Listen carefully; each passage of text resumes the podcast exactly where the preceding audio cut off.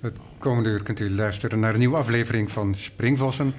Vandaag in het Allert Pierson. Tegenover mij zit Valentijn Bijvank. Dankjewel Valentijn dat je naar de studio bent gekomen. Heel graag gedaan. Jij bent sinds 2013 directeur van Morris, Huis voor Hedendaagse Kunst. Dat is gevestigd aan de Kapucijnerstraat. Kapucijnerstraat ja, in Maastricht. In Maastricht. In een prachtig gebouw. Al bijna tien jaar. Klopt. Daarvoor heb je een soort tour gemaakt langs verschillende instellingen. Hè? Want je, hebt, je bent verbonden geweest aan uh, Witte de Wit, wat nu uh, Melly heet. Je hebt een prachtige periode gehad ook, van een jaar of zeven denk ik, aan het Zeeuws Museum. Ja. En toen kwam je in Maastricht terecht. Nog even het Nationaal Historisch Museum. Het Nationaal Historisch Museum, want ik vroeg me af, hebben wij elkaar daar wel eens over gesproken? Of was dat met jouw mededirecteur? Want ik heb daar ooit een interview over gedaan. Ik heb wel eens met jou gesproken, maar om heel eerlijk te zijn, zou dat best over Mares ja, wij geweest ja, kunnen zijn? Dat sowieso. Wij hebben elkaar, om verwarring te voorkomen, één keer eerder gesproken. We komen elkaar regelmatig tegen. Maar we hebben elkaar één keer eerder gesproken op de radio, in ieder geval. En dat was over Mares ook. En dat was voor de humanistische omroep. Ah ja? Ja, in een reeks met Adriaan Geuze, uh, Gabriel Lester. En, ja. ja. En dat is ook alweer een poosje geleden. Zeker. Dus het was tijd dat wij elkaar weer een keertje spraken voor de radio. En dit is dan een van de interviews in die reeks met directeuren van kunstinstellingen, waarvan ik er iedere maand één doe. Ik spreek één keer per maand met een van je collega's. En jij bent directeur van een relatief klein instituut als je het vergelijkt met de grote musea. Hebben jullie een eigen collectie? Nee. Uh, de instelling uh, die we hebben, dus Mares, hoort uh, bij wat het ministerie presentatieinstellingen noemt. En die heten zo omdat ze wel presenteren, maar niet verzamelen. Ja, ja, ja. Nou, daar gaan we het ja. zo meteen verder over hebben. Het komt ja. zomaar in me op, want ik wil heel graag van je weten... Je hebt gestudeerd, je bent cultuurhistoricus. Waar heb je in Nederland gestudeerd? Want je bent ook de plas overgestoken en je bent gepromoveerd in de Verenigde Staten, meen ja, ik. In Utrecht en een beetje in Amsterdam. Oh ja, gedeeld. Ja, er waren uh, altijd uh, vakken of hoogleraren in Amsterdam... waarvan ik dan dacht, oh, dat wil ik eigenlijk ook wel eens. Ja. En dat kon toen eigenlijk vrij gemakkelijk. Ja, ik heb om... het ook wel eens in Utrecht ja. gedaan. Ik weet niet meer of ik daar dan punten voor kreeg, maar ik kon in ieder geval. Ja, dat, was, dat was volgens ja. mij uh, uitwisselbaar. Ja. ja. En toen ben je overgestoken naar de Verenigde Staten. Waarom was dat? Ik wilde heel graag naar New York. Ik wilde heel erg graag naar New York. Um, de makkelijkste manier om dat te doen was om uh, te kijken of ze mij als uh, student wilden hebben. Dus ik heb uh, ontzettend hard gewerkt om ongelooflijk uh, uh, ambitieuze testen te doen. Dat gaat dan over Engels, maar ook over wiskunde en ook over... Hè, waar je dus je met de wereld meet op welk niveau je zit. Maar wiskunde in verband met... Toegelaten worden op een graduate school. Okay. Op een goede graduate school. Ja. Dat heette de zogenaamde GRE-tests. Ik weet niet meer waarvoor. De G zal wel voor graduate en dan de I wel voor examen. En uh, nou, dan moet je, ben je echt wel een jaar aan het studeren. Moet je ook testen doen. Dan krijg je dan uh, ja, percentages voor. Die moet je meesturen met toch ook een hele uitgebreide application procedure. Ik kon het niet betalen, dus ik had tuition nodig. Of een waiver van tuition, zodat ik geen schoolgeld hoefde te betalen. En ik kon, had wel een heel klein beetje geld om een paar maanden te leven, zeg maar. Maar uh, ik had ook echt een Fulbright nodig, dus daar heb ik ook voor aangevraagd. En tenslotte kon ik daar dus naartoe. En toen was ik daar, ben ik daar gaan studeren. Ik dacht helemaal niet of aan het voortzetten van een wetenschappelijke carrière. Maar toen ik daar eenmaal was, had ik eigenlijk ontzettend interessante vakken en hoogleraren. En ik dacht, er zat ook wat meer druk achter dan in, dan in Nederland hier, is mijn ervaring. Onvoorstelbaar veel harder gewerkt dan hier. Ik elke, hier... elke week papers, elke week volledige boeken lezen en niet ja. uh, alleen maar en wat niet paragrafen. Één, maar twee of drie. Ja. En gewoon echt, ja, het was echt heel serieus werk. Denk ik ook voor het eerst echt dat ik uitgedaagd werd om veel en veel harder te werken. En toen na een maand of zeven, denk ik, of acht... toen, uh, ja, toen was het geld op. En toen ben ik naar mijn mentor daar gestapt. En ik heb gezegd, ja, ik vind het echt heel fijn hier. Ik zou super graag willen blijven. Maar ik heb geen geld. En die heeft me toen twee dagen later een voorstel... Die heeft gezegd, nou, ik, ik ga eens even kijken. Die heeft me toen twee dagen later een voorstel gedaan. Die zei, je mag blijven. Dan word je teaching assistant of research assistant. Uh, op twee voorwaarden. Uh, je moet uh, een PhD gaan schrijven... en je moet een Amerikanist worden. Dus ik ben opgeleid in Amerika als Amerikanist. Ach. En ik heb natuurlijk meteen ja gezegd, want ik wilde blijven. Maar ook omdat ik ja, daar onderdeel uitmaakte van een ja, wetenschappelijke kring... die eigenlijk zo interessant was voor mij. Uh, ik was toen, studeerde ik bij Tom Bender. Dat was een van de grote historici die zich bezighield met de ontwikkeling van steden. Dus dat betekent, ik heb niet alleen in New York gewoond, ik heb ook heel veel in New York gestudeerd. En waarom die stad zo is zoals die is. Waarom zulke steden zich op een bepaalde manier ontwikkelen. Wat je in welke wijk ziet door de uh, decennia heen, wat er gebeurt. Um, dus ik heb daar heel veel over geleerd. Ik ben via Tom Bender ook want die zei, ja, eigenlijk moet je ook met Richard Sennett gaan werken... die op dat moment socioloog was daar. Dus dat is ook de tweede promotor van mijn proefschrift geworden. Want daar, welk instituut was het? New York University. Maar ik maakte ook deel uit van een soort van hele exclusieve groep... van een paar graduate students en een grotere groep uh, docenten... eigenlijk van de Columbia, NYU, Princeton die nieuw onderzoek kwamen presenteren. Dus daar kwamen eigenlijk de helden langs die ik alleen maar uit boeken kende. Ja, dan moet je denken aan uh, Benedict Anderson en Clifford Geertz en zo. Die kwamen daar heel kwetsbaar nieuwe hoofdstukken presenteren. En daar moesten wij dan uh, vragen en, en, en, dingen over formuleren. Het was een begin doodeng. Maar dat was, ja, dat was een wereld waarvan ik dacht... ja, ik ben nu eigenlijk aan de top van wat er academisch eigenlijk moet op mijn vakgebied. En waar, waarvan ik eigenlijk altijd hoopte, zo moet je je vak uitoefenen. Ja, en waarop ben je gepromoveerd uiteindelijk?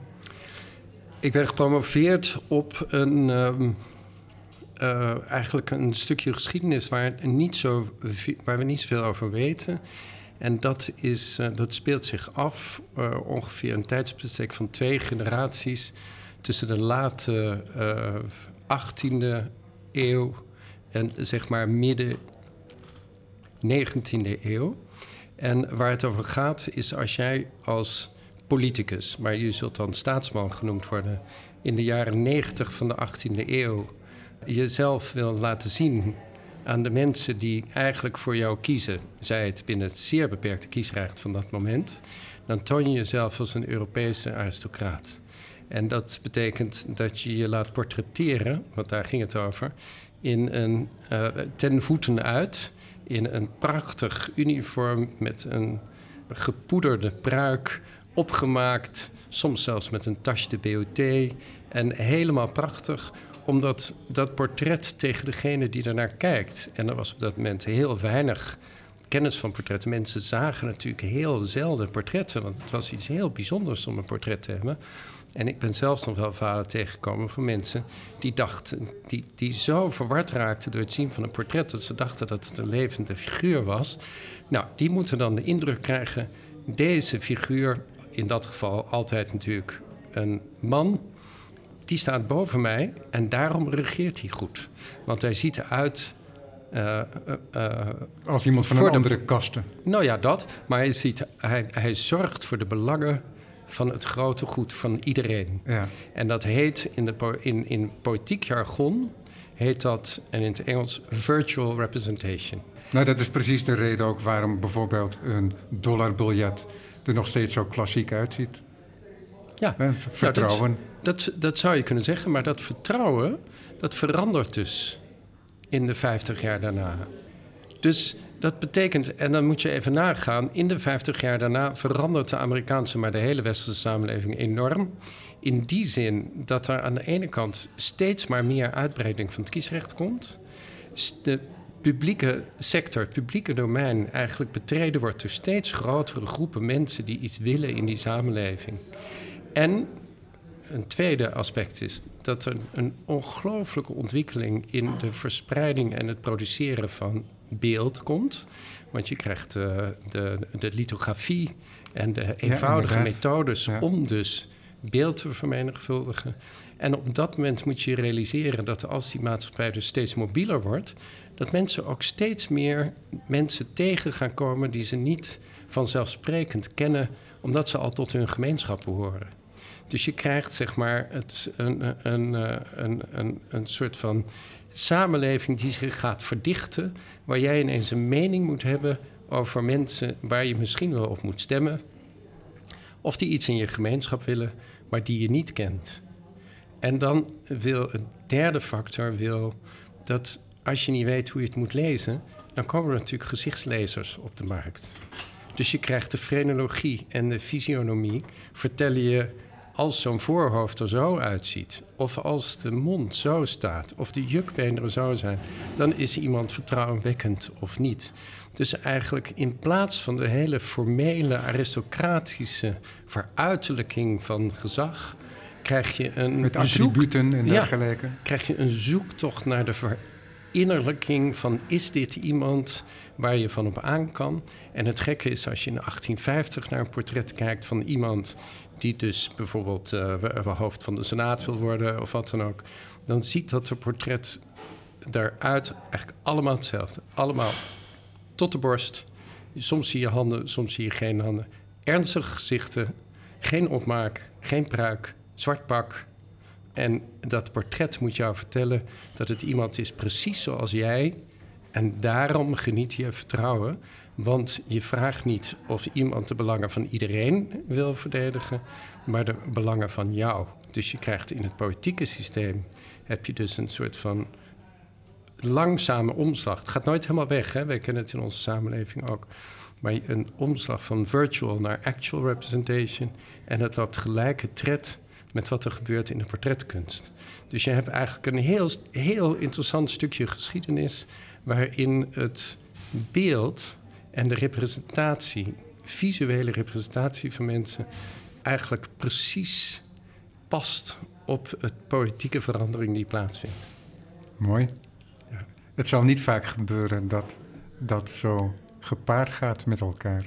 Nee. dat het zo gelijke tred heeft. Ja, en elkaar beïnvloedt. En portretkunst dus heel erg belangrijk uh, wordt en is. Ja, en op een gegeven moment daar waar jij afscheid neemt van het onderwerp, zo halverwege die 19e eeuw, daar doet de fotografie zijn intreden. Ja. Dus dan uh, versnelt het ook. Precies. Ja. ja, mooi. En toch ben je daar niet op doorgegaan. Nee, ja, het was een onderwerp. Het was een gouden onderwerp. En uh, ik heb onvoorstelbaar veel geluk gehad. Want er waren natuurlijk allemaal musea met uh, grote collecties portretten. Die niet kunsthistorisch zo heel interessant waren. Van allemaal mensen die wilden directeur van, de, van het brandweerkorps worden... of van de bibliotheek of van de... Ja, en en ik, spreek hier over duizenden en duizenden portretten en prints enzovoort. En die zeiden, goh, als ik ze dan een aanvraag schreef en zei... goh, ik wil bij jullie dat allemaal komen studeren. En zeiden ze, kom maar. En dan had ik weer een maand in de Winterthur Museum in Maryland... of uh, zes maanden in de Smithsonian in Washington. En uh, ik heb nog bijna een jaar in Philadelphia gezeten om verschillende collecties te bestuderen. En tenslotte zei de Metropolitan Museum: Wil je het bij ons komen schrijven? Dus ik heb de laatste twee jaar van mijn onderzoek heb ik een kantoortje in de Metropolitan Museum gehad. En je begrijpt, dat was eigenlijk veel veel te goed voor mij. Want ja, ja, ik begon er ook een beetje te denken... nou, die gewone historici zijn eigenlijk totaal oninteressant. Die zijn niet interdisciplinair, die kijken alleen maar naar tekst. Die zijn niet gevoelig over allerlei andere dingen... die er in die geschiedenis gebeuren. Die gingen ook vragen stellen van... ja, kun je eigenlijk nog wel gewoon de burgeroorlog doseren en zo... En, uh, en, daar, daar, raakte ik al een beetje, denk ik, geïrriteerd van. Maar het was ook zo dat ik zelf dacht: ja, ik moet eigenlijk om nieuwe intellectuele uitdagingen te vinden, moet ik uit die universiteit. En toen besloot te stoppen. Dus ik heb mijn proefschriften afgeschreven. Ik heb nog even gesolliciteerd op een positie op een van de upstate universities. Maar eh, toen ik uitgenodigd ben voor gesprek, toen heb ik afgezegd en gezegd: ik ga terug naar Europa. Kijk, groot besluit. Ja. En was het toen duidelijk voor jou, want dan moet je iets nieuws formuleren voor jezelf, een nieuw doel formuleren. Had je dat heel helder voor ogen? Helemaal niet. Dus ik dacht. Ja, ik dacht, als ik het nog goed reconstrueer, ik dacht, ik wil niet aan de universiteit. Maar ik wil wel. Ik heb ontzettend veel ervaring in musea opgedaan. Dat zou ik misschien kunnen gebruiken. Uh, ik was hier iemand tegengekomen die zei: Als je ooit naar Nederland terugkomt. Ik gaf natuurlijk regelmatig rondwaarden in de Metropolitan en zo. Als je ooit terugkomt, kom dan eens buurten. Toen heb ik hier, toen ik net terug was, heb ik een tentoonstelling van Jan Bologna georganiseerd in het Museum van Loon. En dat ging samen met de grote Adriaan de Vries tentoonstelling in het Rijksmuseum. En dat vond ik eigenlijk ontzettend leuk om te doen. Ik heb ook nog wel gesolliciteerd voor een uh, jonge hoogleraarbaan in de Amerikaanse geschiedenis. Maar ik had mijn hele opleiding in Amerika, dus ik, die envelop werd bij wijze van spreken ongeopend geretourneerd. Dus daar maakte ik eigenlijk, maakte eigenlijk geen kans binnen het Nederlandse universitaire wereld. Oh, is dat zo? Omdat je er geen verbinding hebt met bestaande onderzoeken hier en bestaande en de, professoren die hier uh, in positie waren.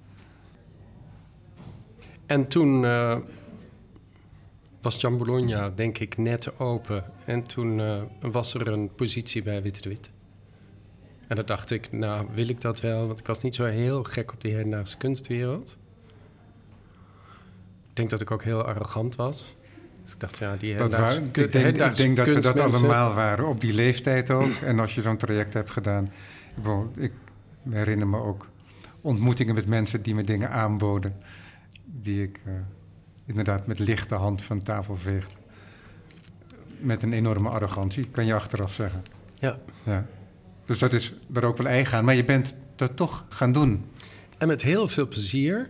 Ik denk dat ik, uh, dat ik kwam met de gedachte... ja, kijk, wetenschappelijk ben ik eigenlijk zo ver gekomen... en heb ik zoveel meegemaakt... en heb ik zoveel meer bagage dan de rest... dat die wereld van de kunst eigenlijk voor mij als dommig, een beetje dommig eruit komt te zien. Want daar zeggen ze wel allemaal grote dingen, maar ja, ze, ze lezen nooit wat. Dus dat was in die periode ook wel wat evidenter, die uitspraak van jou. Want ik kwam laatst in een bundel met oude kritieken. kwam ik ook wat stukken tegen uit de jaren negentig. Anekdotisch bewijs natuurlijk. Maar, en het viel me op in die drietal stukken die ik las... dat er heel veel gerefereerd werd, maar op zo'n losse manier waaruit ik afleidde dat het zelf niet gelezen was. En dan heb ik het over de Deleuzes en de Guattaris van deze wereld, die gebruikt werden, waarvan die ideeën gebruikt werden.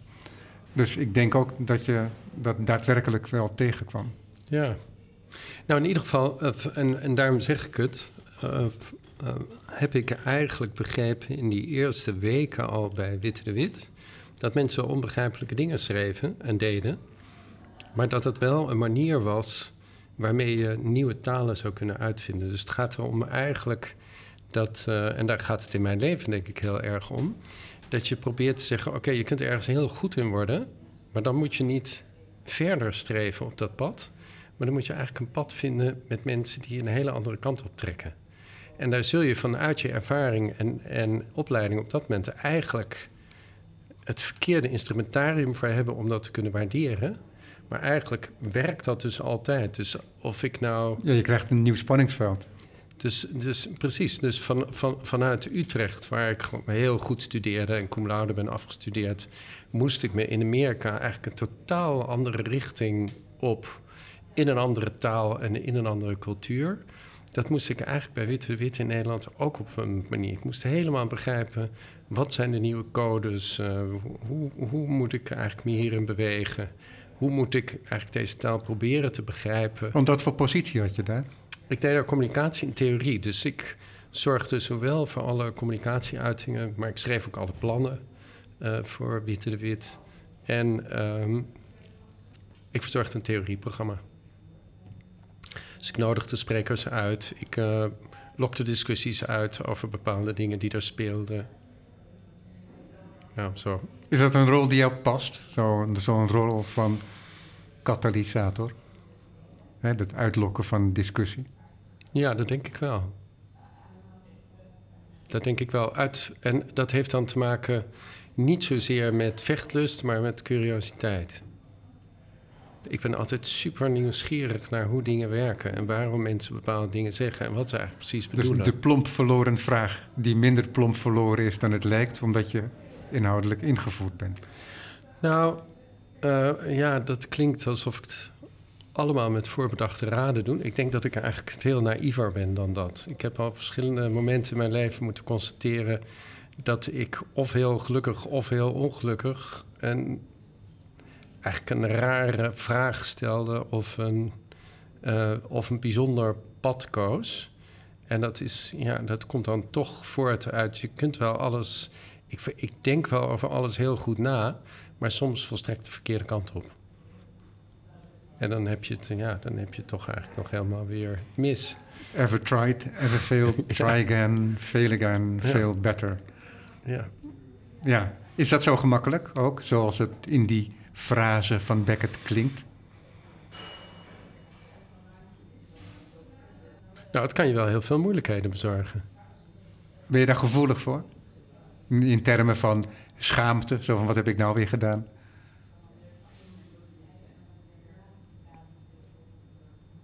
Schaamte heb ik over het teleurstellen van mensen, ja, ja. denk ik.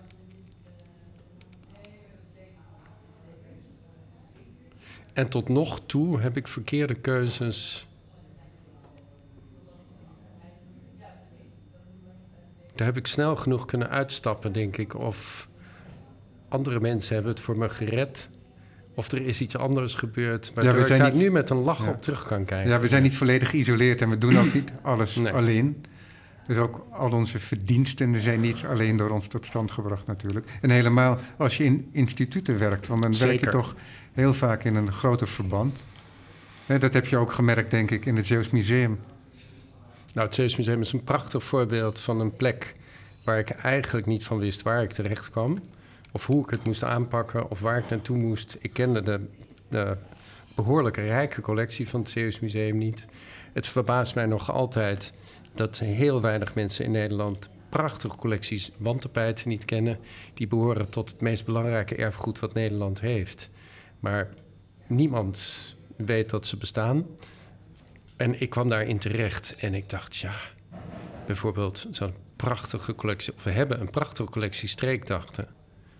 En ik dacht, ja, kunnen we er vanaf? Want ik vind museumcollecties met streekdachten... vind ik als een beetje het allerergste wat er is. Nou, Valentijn, je hebt, we hebben het nu over het Zeeuws Museum. Dat is een periode, ik heb het opgeschreven, 2002, 2009. Ja. Dus in 2002 word je daar aangenomen ja. als directeur. Maar je weet niet helemaal waar je terechtkomt. Ja. Hoe, hoe, hoe, gaat zoiets in zijn werk? In, en dan vraag ik je ook om in de huid van de sollicitatiecommissie te kruipen. Want zochten zij dan iemand die inderdaad, zoals jij, jij zojuist formuleerde, vanuit een andere hoek komt, zodat er iets gebeurt wat onverwacht is? Dat ze proberen buiten het vaste kader te denken, zoals het dan heet? Herinner je daar nog iets, iets van? Het is al nou, twintig jaar geleden. Ik, ik, herinner me er wel iets van. Uh, ik... Uh, werd geheadhunt en er waren een aantal kandidaten. De headhunter die sprak wel, die, die, die liet mij komen op haar kantoor ergens in uh, het Gooi. En ik kwam daar en ik zei, nou, ik, ja, weet je, ik ben heel gevleid, maar ik ga dat natuurlijk niet doen. Ik zat in het hippe Witte de Wit. Uh, ik deed allemaal dingen die heel actueel en interessant en nodig waren. Maar uh, tegelijkertijd uh, ja, ik, had ik ook, om heel eerlijk te zeggen, ik had een jong gezin. Ik had nog nooit eigenlijk echt huur kunnen betalen. Ik zat maar in onderhuur in Amsterdam. Die zou aflopen. Het was eigenlijk heel ingewikkeld om te blijven bestaan. Dus ik moest ook wat. En ik denk vanuit de commissie van het Zeeuws Museum daar moeten ze denk ik op mijn spoor gekomen zijn, omdat ik als uh, medewerker van uh, Wit het Wit had ik hier en daar al best wel wat uitstapjes gemaakt, denk ik toen, naar het me roeren in de toenmalige Mondriaanfonds of debatten organiseren. Maar ik had ook bijvoorbeeld een campagne gestart om de museumkaarten aanvaard te krijgen in hedendaagse kunstinstellingen. En ik was dus eigenlijk best bezig breder te kijken naar wat er moest. Ik zat in het bestuur van het CEP. En ze dachten, ja, dat is een jongen die eigenlijk wel verder wil dan waar hij nu is. En dat was ook zo. Ik had gewoon geen binding met Zeeland en het Zeeuws Museum. Nou, ik heb twee keer nee gezegd en de derde keer heb ik ja gezegd. En toen uh, ben ik op gesprek gekomen. Wat en een vasthoudendheid. Ja. Mooi. Um, dat zijn headhunters die, die voelen dan toch ergens dat je... Ruimte is. dat je nee eigenlijk een kleine ja bevat. Ja. En uh, toen, um, ja, ik weet nog heel goed dat ik op dat gesprek kwam in een heel donker kamertje op, de, op, de, in, op het provinciehuis in uh, Middelburg. En daar zaten, naar ik me herinner, allemaal mannen rond de tafel: de wethouder, de gedeputeerde, twee mensen van een nieuw aangesteld bestuur. En uh, die de belangrijkste vraag die ik me herinner, die ze de hele tijd stelde, is: zou jij in staat zijn om mensen te ontslaan als dat nodig is? En toen heb ik gezegd: Nou ja, jullie willen ontzettend graag daar een vaste uitspraak van mij, maar dat ligt natuurlijk heel erg aan hoe die situatie eruit ziet en wat wij moeten. En uh, de geschiedenis van het Zeeuws Museum voor mij was dat er een museum was wat eigenlijk te weinig in het oog sprong van de Zeeuwen, maar vooral ook de Zeeuwse overheden. Uh, dat was een beetje begonnen te kabbelen. Er werd heel veel druk uitgevoerd op de directeur die daar zat. Die ging steeds zetten die een stapje achteruit totdat er niks meer over was.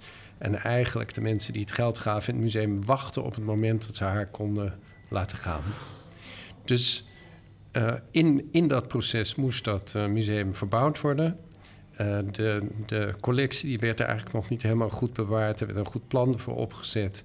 En toen op een gegeven moment werd er schimmel in, dat, in het depot ontdekt. En toen heeft de directeur onmiddellijk het hele museum gesloten.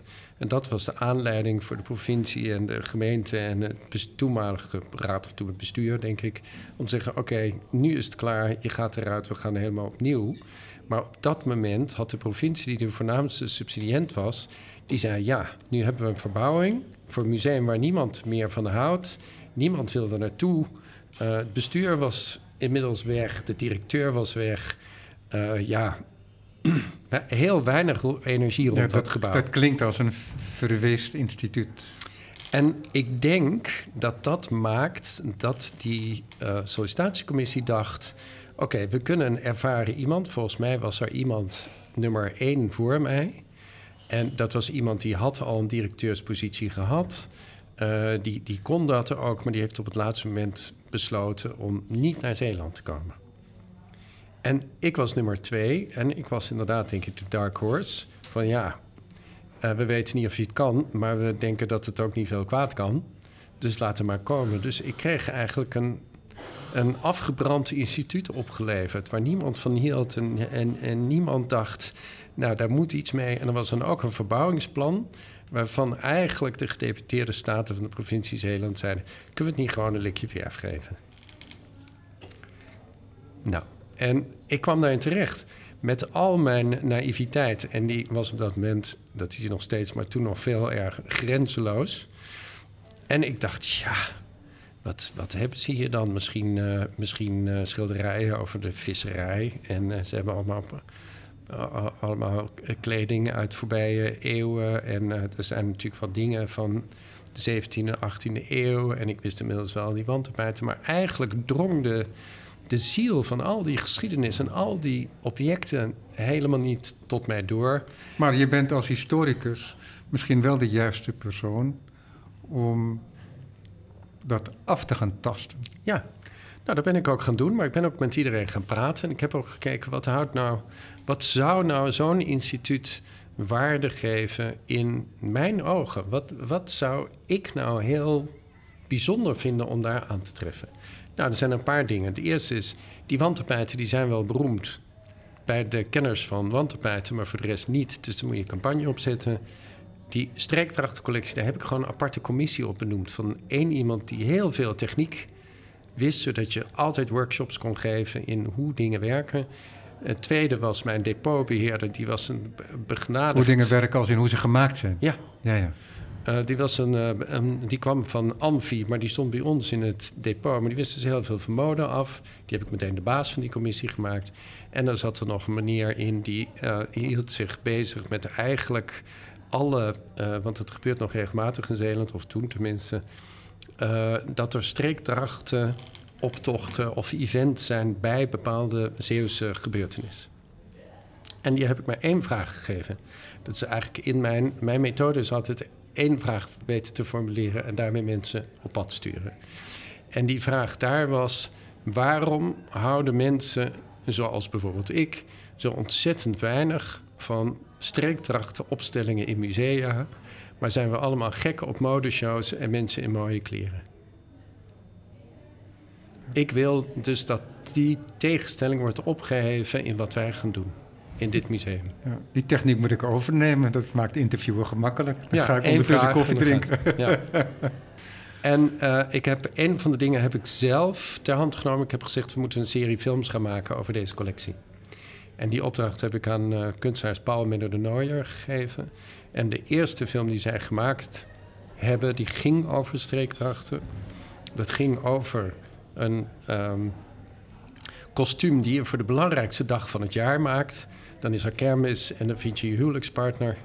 En dat betekent dat de mensen, zeker van de hoge stand, dus heel mooi gekleed zijn. Dat is interessant, hè? want je moet context geven. Wat je als historicus voortdurend moet doen en waar je voortdurend bewust van moet zijn. Ja. En die, die context die is niet zomaar aanwezig, die moet altijd geconstrueerd of, ja. zo je wilt, gereconstrueerd worden. Ja, en je ziet daar eigenlijk iets wat met terugwerkende kracht nu misschien ook al in mijn studietijd speelde. Ik ben heel erg goed in taal en ik heb altijd taal gestudeerd, maar ik ben op zoek naar andere manieren om dingen te zeggen. En in het museum heb ik eigenlijk de richting gekozen. Eerst moeten mensen van deze collectie gaan houden. En dat doen ze niet omdat ik ze zeg, dit kostuum is eh, van Tolen in 1890 en dit kostuum komt uit Axel in 1910 en het ene is protestants en het andere is katholiek. Daar gaat niemand van houden. Maar als ik een film maak waar een meisje en een jongen op schijnbaar huwbare leeftijd elkaar uitkleden, waardoor ik perfect laat zien uit welke stukken zo'n kostuum bestaat. En hoe moeilijk het is om je daarin te kleden, uit te kleden en aan te kleden. dat was niet mijn idee overigens. Hè? Keurslijf. Dan uh, heb je iets wat ontzettend mooi is, maar tegelijkertijd ook heel veel leert van wat daar gebeurt. En die film, die is dus gemaakt en die kreeg. Uh, ja, dan moet, ik, dan moet je je voorstellen, zo'n film wordt ontzettend zoveel gemaakt door die kunstenaars. Een prachtige studio.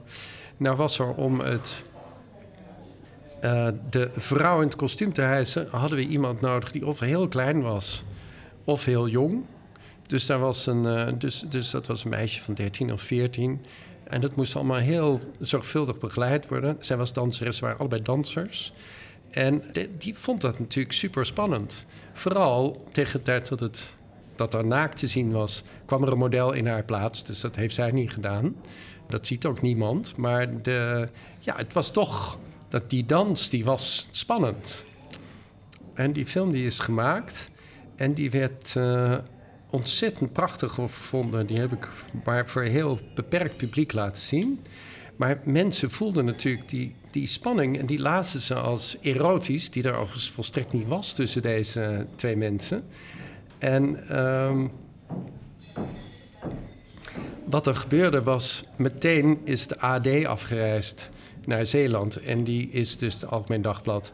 En die belde mij op aan het einde van een dagje reis langs de religieuze facties in Zeeland. En die zei: Meneer Bijving, wat bent u aan het doen? Want de SGP en de CU heb ik verteld dat u dat filmpje heeft gemaakt. En dat is natuurlijk. Uh, ja, die vonden dat heel ernstig. Verkrachting van het Zeeuws erfgoed. En toen, ik was daar heel kwaad over. Toen zeiden, heeft u wel met de gedeputeerde overlegd dat u dat mocht doen? Toen zei ik, nou, we zijn een onafhankelijk instituut, dus dat hoeven wij natuurlijk helemaal niet En te doen. volgens de, de laatste berichten hebben ze nooit problemen gehad om zichzelf voor te planten. Ja, nou, dat was geen argument wat ik, kon, wat ik kon maken. Maar in ieder geval, daar kwam een enorme rel van niet omdat mensen zeiden, dit mag niet. En niet omdat je dat opgezocht had. En zeker niet omdat ik het opgezocht had, maar omdat vervolgens alle radio- en televisiezenders eh, naar het zuiden kwamen reizen om te laten zien hoe achterlijk de Zeeuwen met naakt omgingen. Ja, ja. Dus dat is eigenlijk een soort nevenconflict, zou je kunnen zeggen. Ja.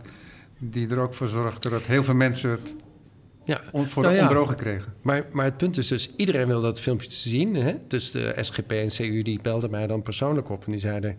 ja, ik moet toch weten waar ik tegen ben, eh, mag ik het komen bekijken? Dat is interessant inderdaad. Ergens tegen zijn we nog niet weten Ja. precies waar tegen. En ehm, het hielp mij enorm. Ik was onvoorstelbaar kwaad, moet ik heel eerlijk zeggen. Want wij hadden zoveel tijd en dat filmpje was zo zoveel gemaakt. En het is zo buitengewoon prachtig Op geworden. wie was jij kwaad?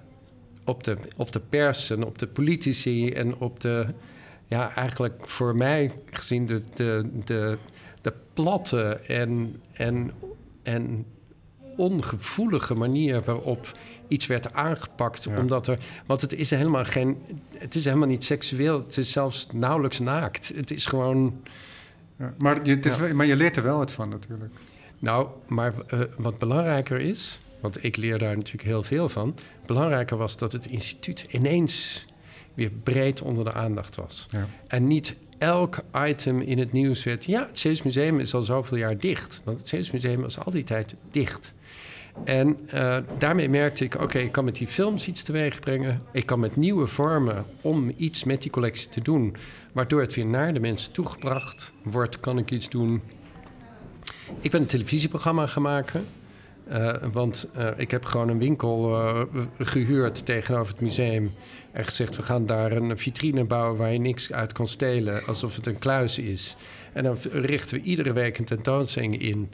Dat is maandag, dinsdag opbouw. Dinsdagavond wordt een, een televisieuitzending gemaakt... over de stukken die daar getoond wordt. Was dat juist een welkome periode voor jou? Dat het museum dicht was en dat jij op die manier een beetje kon aftasten wat er mogelijk Dat was denk ik wel. met die collectie? Ja, als hij er staat kun je natuurlijk ook veel. Ja, het want voor het is, doen. hè, om, ik wil nog heel lang met je doorspreken over het Zeeuws Museum. Ja. Maar je bent ook al bijna tien jaar directeur in Maastricht van Marres. Een heel ander instituut. Je gaf al aan, geen collectie. Ja. Hedendaagse kunst. Wat heel mooi is, en daar hebben we elkaar een paar jaar geleden over gesproken, is dat jij daar een programma hebt ontwikkeld waarin beeldende kunst niet alleen maar visueel is, of hedendaagse kunst moet ik dan eigenlijk zeggen, want de term is dan niet meer van toepassing, maar dat je ook kunstenaars uitnodigde die ook heel doelbewust andere zintuigen aanspraken dan alleen het visuele. Ja. Dat is een langlopend programma inmiddels al. Ja, Waarmee je ook met beeldend kunstenaars samenwerkt. Dus mensen die niet specifiek iets met olfactorische of eh, Nee. auditieve eh, elementen doen. ja eigenlijk alle soorten. Ja, werken met alle soorten kunstenaars. Het kunnen ook muzici zijn, het kunnen ook dansers zijn. Maar het, en eh, vooral het duidelijk, dat is één deel van de Ja. programmering. Het is niet zo dat jij het nieuwe instituut bent eh, van, eh, van de verschillende zintuigen. nou, nee, en het is ook zo dat ik niet met eh, kunstenaars... eh, dat de kunstenaars niet vraag, kun je iets met zintuigen doen? Eigenlijk was mijn gedachte toen ik kwam... eh, was er die hedendaagse kunst... Die, die wentelt zich op dit moment heel comfortabel... in eigenlijk een heel discursief syste- systeem... waar het woord haast belangrijker is dan het beeld... En de richting van het woord, zeg maar, heel veel gaat over hoe moeten we de wereld beïnvloeden of veranderen. Dus het is eigenlijk een, een, een, een best wel activistische en politieke wereld Maar geworden. is dat het perspectief van de curator veel eer dan van de kunstenaar? Dat denk ik wel. Maar goed, die wereld beïnvloedt elkaar ook. In ieder geval, ik zag het toen als, als ik naar het landschap kijk, is dat op dit moment waarover geschreven wordt. En dat, dat is natuurlijk ook logisch, want taal genereert taal. Dus als je taal in zo'n instituut brengt, dan kan een criticus kan daar makkelijker over schrijven. En daar kan weer iemand makkelijker op reageren. En toen heb ik gedacht, wat blijft er dan liggen? En dan blijft dus dat opnieuw in onze samenleving het lichaam achterwege. Dus, en hoe breng je het lichaam in? Door bijvoorbeeld op de zintuigen te wijzen en te zeggen... er is, moet toch een manier zijn waarop die hedendaagse kunst... waar kunstenaars een taal van het nu spreken, maar niet per se in woord... dat die een platform krijgen en dat je daar gaat onderzoeken wat dat betekent... en wat mensen daar eigenlijk uh, van op kunnen steken... als je het lichaam terug in het museum brengt. Ja, het is interessant, hè? omdat het komt af en toe terug in allerlei verschillende hoedanigheden. Want zelfs bij de grote minimalisten, die niet minimalist genoemd willen worden, was dat idee van, de, van het lichaam belangrijk. Hè? Je zag hun werk niet. Het idee was dat je, je relateerde aan hun werk niet visueel, maar als wezen. Ja. Als uh, ja. geheel wezen, dus met lichaam en geest. Maar het, het, eigenlijk is het. Uh, ik, ik, ik denk nooit dat dit soort dingen per se weg zijn uit de geschiedenis. Ze krijgen alleen misschien minder aandacht dan, het, dan ze zouden behoeven. En ik moest maar eens positioneren. In het nou, maar het is ook heel terecht. Het is ook heel terecht, want toen we elkaar daarover spraken, het is voor mij ook heel ongemakkelijk op een bepaalde manier. Een collega van jou, die nu conservator is geworden bij het gemeentemuseum, het Kunstmuseum Den Haag, Karel Verbeek. Die sprak ik ook. En die is ook gepromoveerd op geur bij de futuristen. Ja. En die futuristen introduceerden dat ook. En dat was natuurlijk ook heel erg uh, bruskerend in die tijd. Maar het is altijd heel gevoelig. Omdat het bijvoorbeeld geur is heel invasief. Ja. Dus ik merk van mezelf dat ik op mijn hoede ben. Dan, hoe benader je zoiets? Want ik denk niet dat ik de enige ben die dat heeft. Dus hoe breng je dat naar een publiek toe? In je programmering. Want je zegt, ik vraag mensen niet om een specifiek zintuig eh, te bespelen. Nou, ik denk, dat, ik, ik denk dat we dat eigenlijk veel globaler aanpakken. Allereerst dat bepaalde dingen invasief zijn, want je hebt het ook met geluid natuurlijk. Hè? Dat geluid is invasiever, daar kun je niet van af. Daar kun je eigenlijk niet goed afstand toe bewaren. Maar het punt is, als je het lichaam in het museum terug wil brengen, dan moet je je afvragen: is een museum dan inderdaad een instituut, als we dit als invasief ervaren, dat we die zintuigen daaruit moeten laten, omdat dit een plek is voor het beeld waar mensen dus eigenlijk altijd de afstand kunnen bewaren. En in een samenleving waarin afstand super belangrijk is. Hè? En dat is in West-Europa heel erg belangrijk voor wie wij zijn om de juiste proportionele afstand tot alles te bewaren. En daarom zal een museum zal tegen iedere bezoeker zeggen: Jij weet wie jij bent. Hier hebben we het werk waar je naar kijkt. Daarnaast zetten we een bordje om nog even uit te leggen als je het toch niet helemaal zeker weet. En je weet wat de architectuur is van het museum. Stel nou dat je daar eens de vraag zou stellen: kunnen we die orde, die zo ingesleten is in ons, zouden we daar iets aan kunnen doen? Dus ik leg aan kunstenaars ook weer hier één vraag voor. Ik zeg: ik wil niet naar je werk kijken, ik wil erin verblijven. Dus wat doe jij zodat de bezoeker hier eigenlijk in jouw werk terechtkomt? Want als je in een werk terechtkomt, dan gaan vanzelf gaat je hele lichaam met de zintuigen meedoen om uit te vinden waar zit eigenlijk precies het verschil tussen het gebouw en het werk. Het is wel interessant, zijn die benadering. Er zijn ook geen tekstbordjes ja.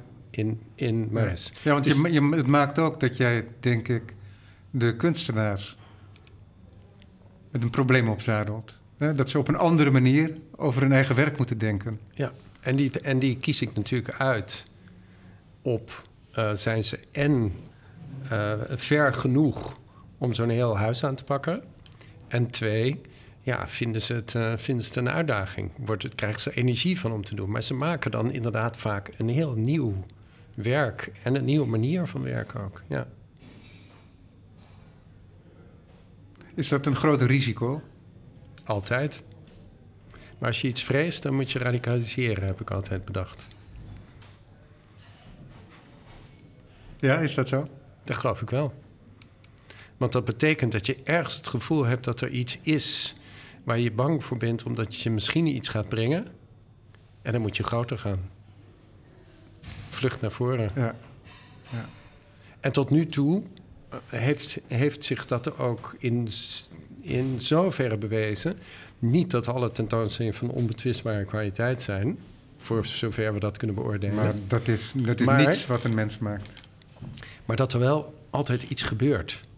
En dat altijd tot Maar- een gesprek leidt. Ja, maar en ook dat, ook dat er iets gewaagd wordt. Dus, ja. Ja. En dat programma, dat duurt al jaren. Hè? Ben je daar, daar ben je niet meteen mee begonnen. Daar ben je zo 2015 mee begonnen volgens mij met het programma. Ik ben vrijwel meteen over de zintuigen gekomen te spreken. Maar eigenlijk praten we nu over de zintuigen vooral in ons publieks- en educatieprogramma. Ja. Eh, en ben ik ook weer met hele andere dingen bezig. Zoals bijvoorbeeld, ja, als je nou publiek wil hebben dat je binnen wil krijgen, dan moet je niet alleen de drempel verlagen door te zeggen: je hoeft hier geen theorie te kennen en je hoeft ook niet moeilijk over dingen te praten, maar je, je lichaam kan onmiddellijk voelen wat hier gebeurt. Maar je moet ook nog heel specifiek uitreiken naar groepen om te, aan ze uit te leggen dat het daar leuk is voor hen om iets mee te maken. Is het moeilijk voor kunstenaars? Want kunstenaars worden ook geconditioneerd door die kunstwereld, zoals je zelf al aangaf. En dus ook door het woord dat door die kunstwereld waart. Ja, ik zeg niet dat het woord onbelangrijk is. Hè? Ik probeer alleen er een spoor naast te leggen. En eh, kunstenaars over het algemeen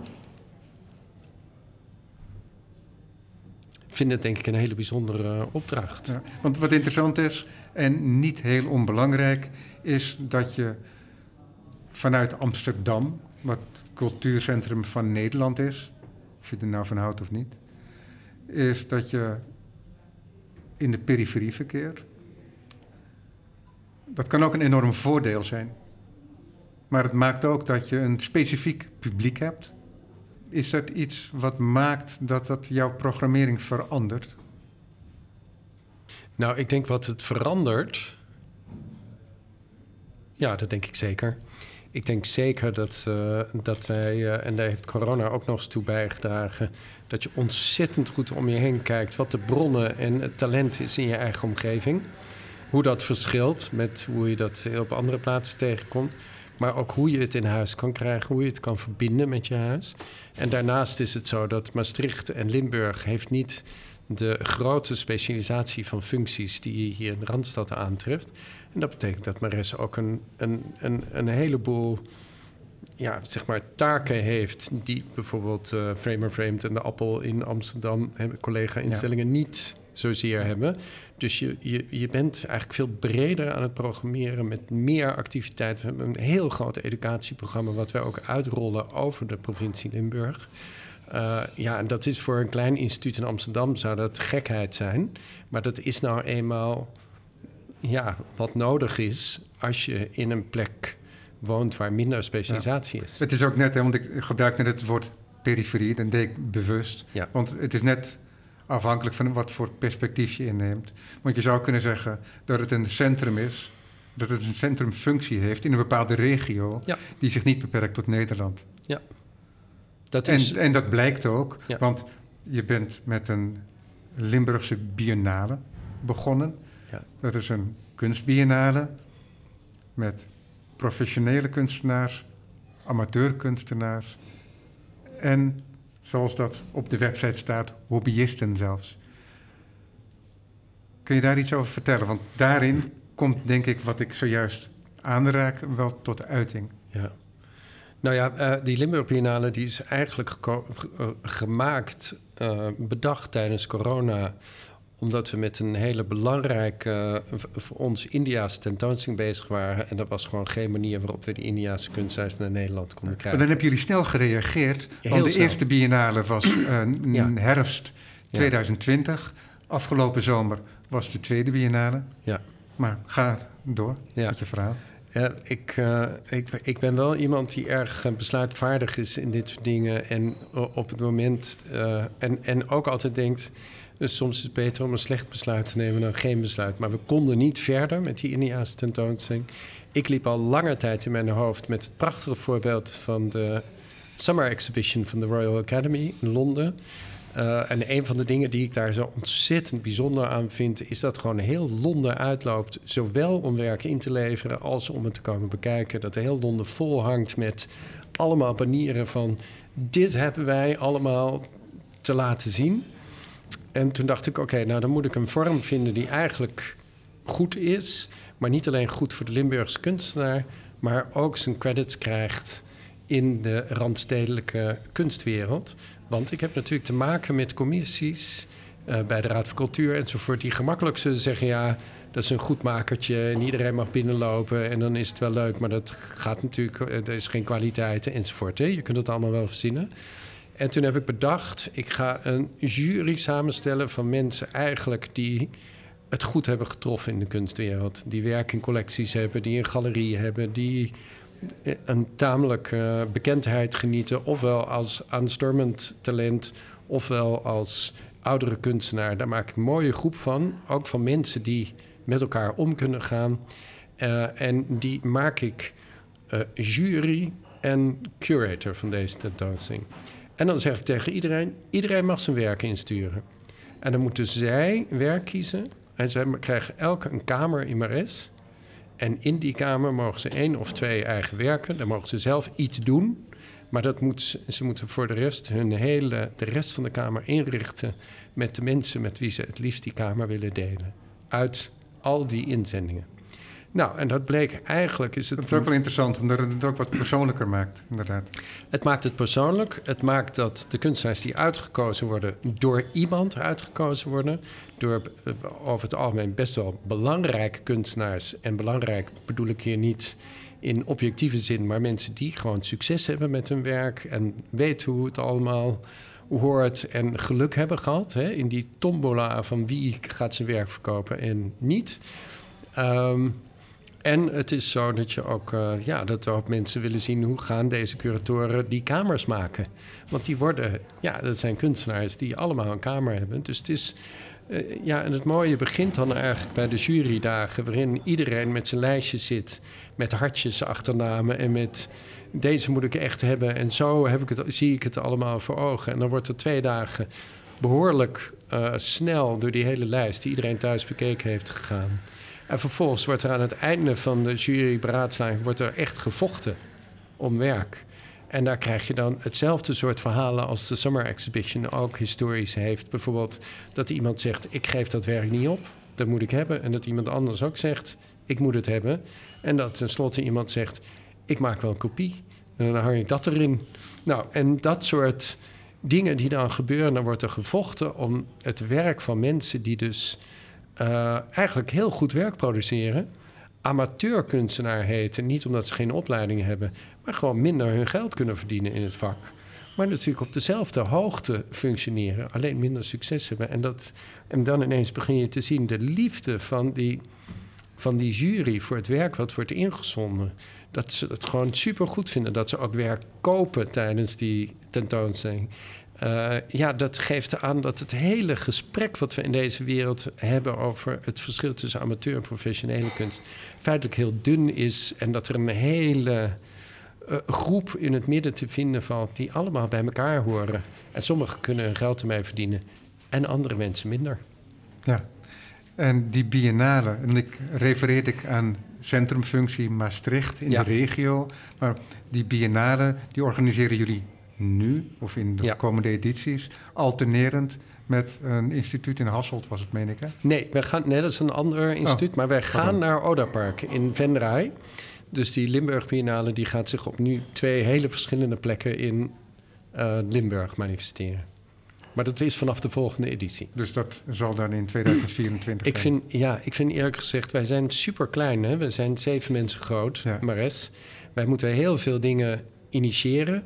En dan moeten we het zo snel mogelijk uit handen geven aan mensen die het ook willen doen. Oh, dus dan betekent het ook dat de organisatie daarvan ook niet meer onder Mares valt? Ja, valt, nee, want wij doen nog mee. Maar ik bedoel, iedereen moet vooral meekomen doen Ja. en hun eigen dingen doen. Maar dat is, Maar- ook wel, dat is ook wel, denk ik, typerend, denk ik, voor jouw manier van doen, is dat jij mensen graag verantwoordelijkheid geeft. Ja. Jij hoeft niet per definitie op het ei te blijven zitten.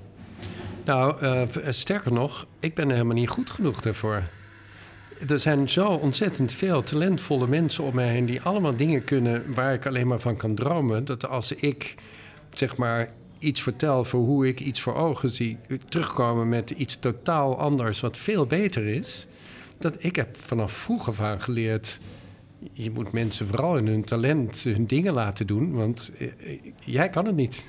Dat lijkt me een prachtig besluit van dit gesprek. Valentijn Bijvank, dankjewel. Graag gedaan. Techniek werd verzorgd door Erik Korving.